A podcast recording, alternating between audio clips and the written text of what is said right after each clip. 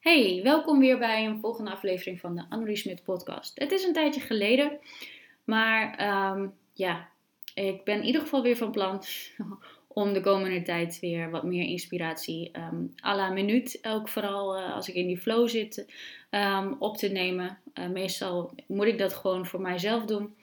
Op het moment dat ik uh, net iets heb gedaan of de inspiratie heb, want anders dan ben ik het weer kwijt en uh, dan ga ik weer de volgende, rol ik weer de volgende in en denk, nou ja, op naar de volgende en dat is het dan. Dus ik wil deze even opnemen voor een korte podcast.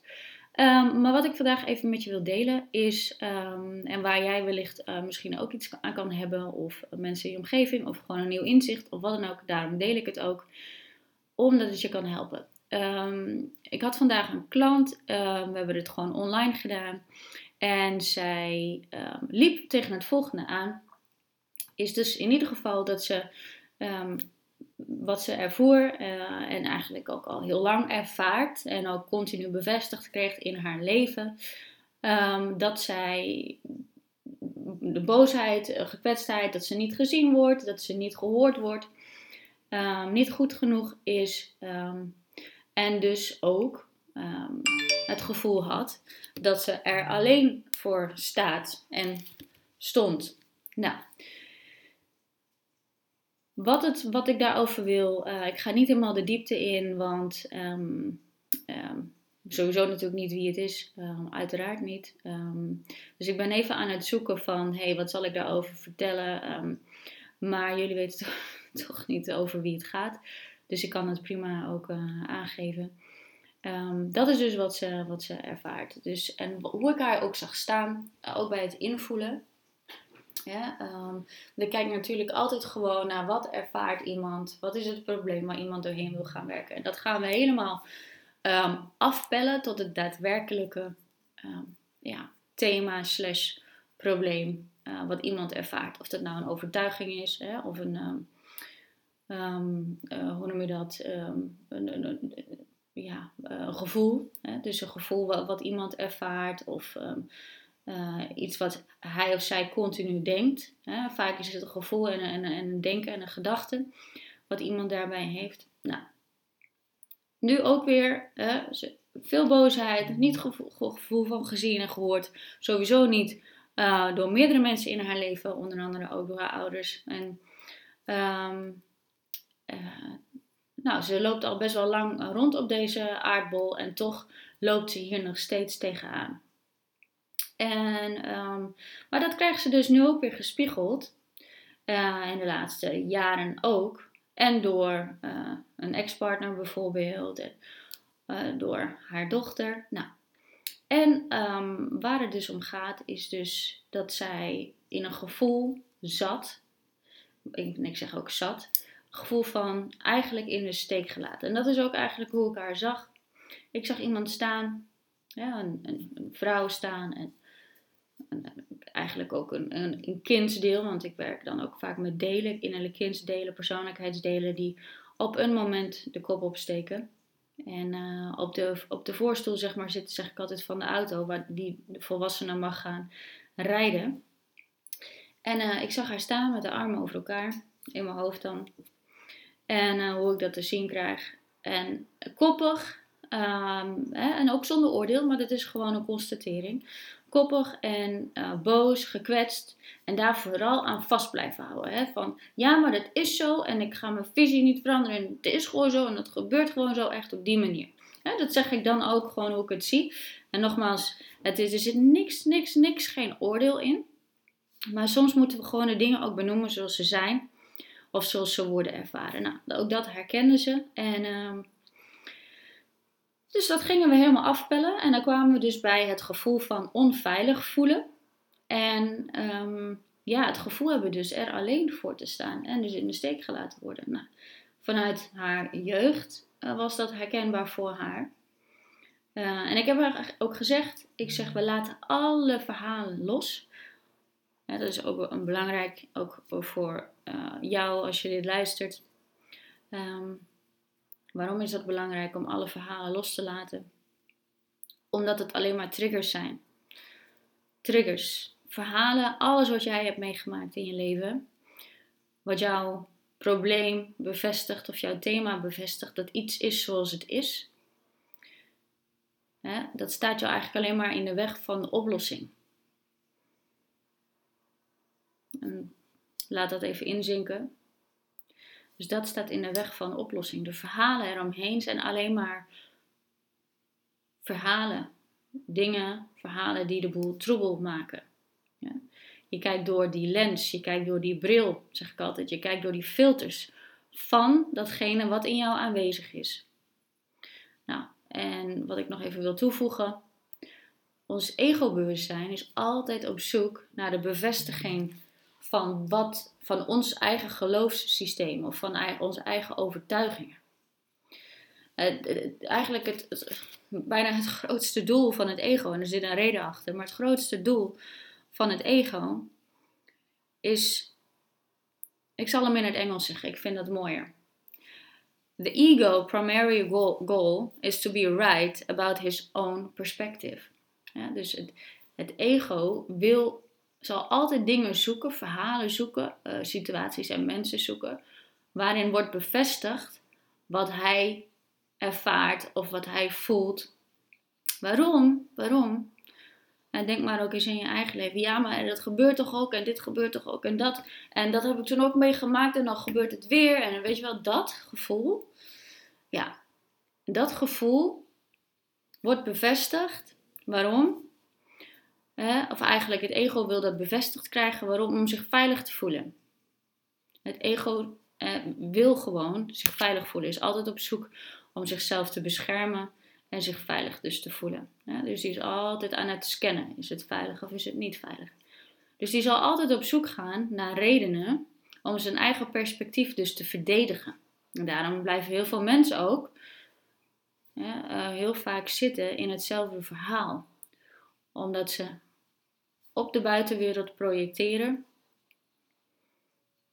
wat ze, wat, hoe de wereld hun ziet.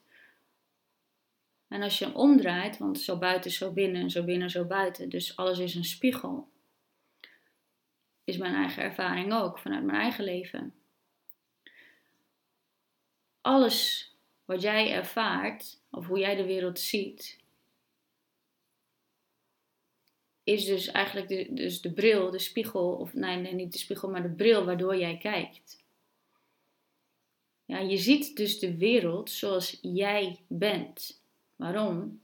Omdat je al die brillen, al die filters, al die perspectieven, laten we zeggen, op je neus hebt zitten.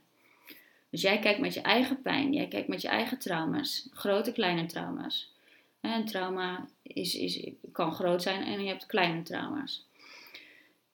Uh, wat gewoon een gevoel heeft achtergelaten in jouw systeem en wat, jou, wat je je hele leven met jou meedraagt. Dus jij ziet de wereld zoals jij bent. Niet zoals jij in essentie bent. De essentie is licht. De essentie is liefde. De essentie is puur zijn. Puur aanwezig zijn. Gewoon waarnemen. Dat is de essentie. Maar we kijken door al die brillen. En we zijn dus eigenlijk op zoek naar wie wij zijn. Maar dat is even weer een andere podcast. We kijken dus door al die brillen en zo zien wij dus ook de wereld. Dus als wij het gevoel hebben niet veilig te zijn, kijken we door de bril van onveiligheid. Als we het gevoel hebben dat we dus er alleen voor staan, dat mensen ons niet zien of horen, of kijken we dus door die bril van ik sta er helemaal alleen voor. En nogmaals, dat deed zij ook, of althans hiervoor, van ja, maar mijn ouders dit, mijn dochter dat, mijn ex-zus, ja, die bevestigen het allemaal. Kijk maar, ik maak het mee in mijn leven, kijk maar, weet je wel. Klopt allemaal. En toen zei ik ook, ja, um, oké, of ook vandaag weer, ik zeg, je kan wel gelijk hebben dat het allemaal zo is zoals het is. Je kan gelijk hebben dat het is zoals het is. Maar dat gaat je niet helpen. Dus je kunt blijven dus in die boosheid, hè, zo in, die, in, die, in, dat, in, dat, in dat deel wat dus boos is, want het overgrote deel van haar ook, en ook van jou, is gewoon helemaal prima. Die is gewoon volwassen. Wellicht als je dit luistert ben je ook volwassen. Ga ik wel even vanuit van nu. Ehm, die voelt zich prima. Maar een deel in jou, een gekwetst deel, een persoonlijkheidsdeel, wat bij wijze van afgesplitst is van jou. En wat nog steeds die, die, die loop ervaart van het stukje verleden, die ervaart dat niet. Die ervaart zich afgescheiden, die voelt zich alleen, of, of wat die dan ook ervaart. Laten we zeggen, dus in dit geval onveiligheid en er alleen voor staan. Dus ik zeg ook nogmaals, ik zei tegen haar, je kan wel gelijk hebben, maar het helpt je niet. En deze quote, of deze, ik weet, niet meer waar ik dat ooit heb gelezen, maar deze kwam toen eigenlijk tot mijn gedachte. Ik zeg, wat je eigenlijk aan het doen bent, en zo, zo voelde het ook, zo stond ze er ook. Wat je eigenlijk aan het doen bent, is dus het volgende. Het is dus eigenlijk de boosheid. Hè? Boosheid is sowieso, het is een, een, een krachtige energie, maar als je er te lang in blijft hangen, kan het giftig worden. Hè? Kan het ons verteren van, van binnen. Nou, ik zeg, jij verwacht dus hè, door jouw boosheid, wat natuurlijk gekwetstheid en verdriet onder zit, dat het is hetzelfde als een schif drinken en verwachten dat de ander doodgaat. Nou, misschien heb je deze al wel vaker gehoord en misschien denk je nu, oh ja, laat het ook even op je inwerken. Maar boosheid is eigenlijk vasthouden, woestheid of, of hè, woede aan zich, verontwaardiging. Uh, daaraan vast blijven houden. Ja, maar het is zo, weet je wel. Het is toch zo. Kijk dan, ze doen dit, ze doen dat. Ja, het kan allemaal feitelijk zo zijn. Maar jouw perceptie over het gebeuren, dat maakt, dat veroorzaakt het lijden. Dus jou, hoe jij er naar kijkt, hoe jij je daar dus over voelt, maar ook vooral hoe jij daar naar kijkt, jouw perceptie, dat veroorzaakt of je lijdt of niet. Dus in dit geval hebben we ook weer de perceptie veranderd. Dus nogmaals, het is als gif drinken en verwachten dat de ander doodgaat. Dus je hebt alleen jezelf ermee. Dus wat we hebben gedaan in een sessie. Ik zeg, we laten alle verhalen los.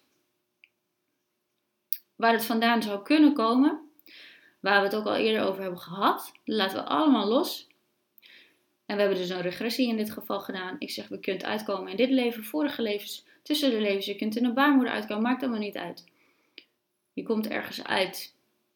En we zijn uitgekomen in dit geval in een vorig leven. En ik zal het nu niet benoemen, maar we zijn uitgekomen in een vorig leven. Het enige wat ik kan zeggen is bijvoorbeeld de tijd 1800, 1875 kwam naar voren. En de tijd bestaat natuurlijk niet, dus het is eigenlijk reizen in dimensies, maar ook dat is weer even een andere podcast. Um, dus we kwamen daaruit en daar viel alles op zijn plek. En daar hebben we het geheeld. En dat deel Hè, wat, wat dat dus ook ervoor. En toen kwam ze tot nog een ontdekking. En daar ging ook schuldgevoel mee gepaard. Terwijl ze er niks aan kon doen in dat leven. Maar ze had wel schuldgevoel. En dat zorgde voor, hè, schuldgevoel aan zich. In dit geval zorgde ook voor dat ze haar leven nu niet voluit kon leven. En dat ze zichzelf het geluk niet gunde. Dus dat hebben we geheeld. Ja, en dat is dan echt, echt, echt magisch wat er dan gebeurt. En we hebben dat deel weer geïntegreerd. Dat zielsdeel, dat persoonlijkheidsdeel van dat leven hebben we weer geïntegreerd. En helemaal op laten groeien, helemaal door de tijd mee heen genomen naar het nu. Dus hier kan ze weer mee door. En zo kun je dus zien waar je uitkomt. Dat je, kunnen allemaal, dat was mijn punt, er kunnen allemaal verhalen zijn. En, en die en dat is er gebeurd. En zus is er gebeurd. En zo is er gebeurd. Ja, klopt, het kan allemaal. Maar het gaat om het gevoel wat jij ervaart of het probleem wat jij ervaart en wat iets met jou heeft gedaan. En dat gevoel kunnen we op een hele snelle manier ehm, omzetten en transformeren. Maar onder andere ook via regressie. Dus we hebben andere ook hypnose technieken, maar ook regressie. En dat is zo magisch. Wat ik jou dus hierin, uh, ja, de boodschap eigenlijk die ik jou hierin ook wil meegeven is dus, jij ziet de wereld zoals jij bent. Met jouw pijnen, met jouw brillen, met jouw trauma's.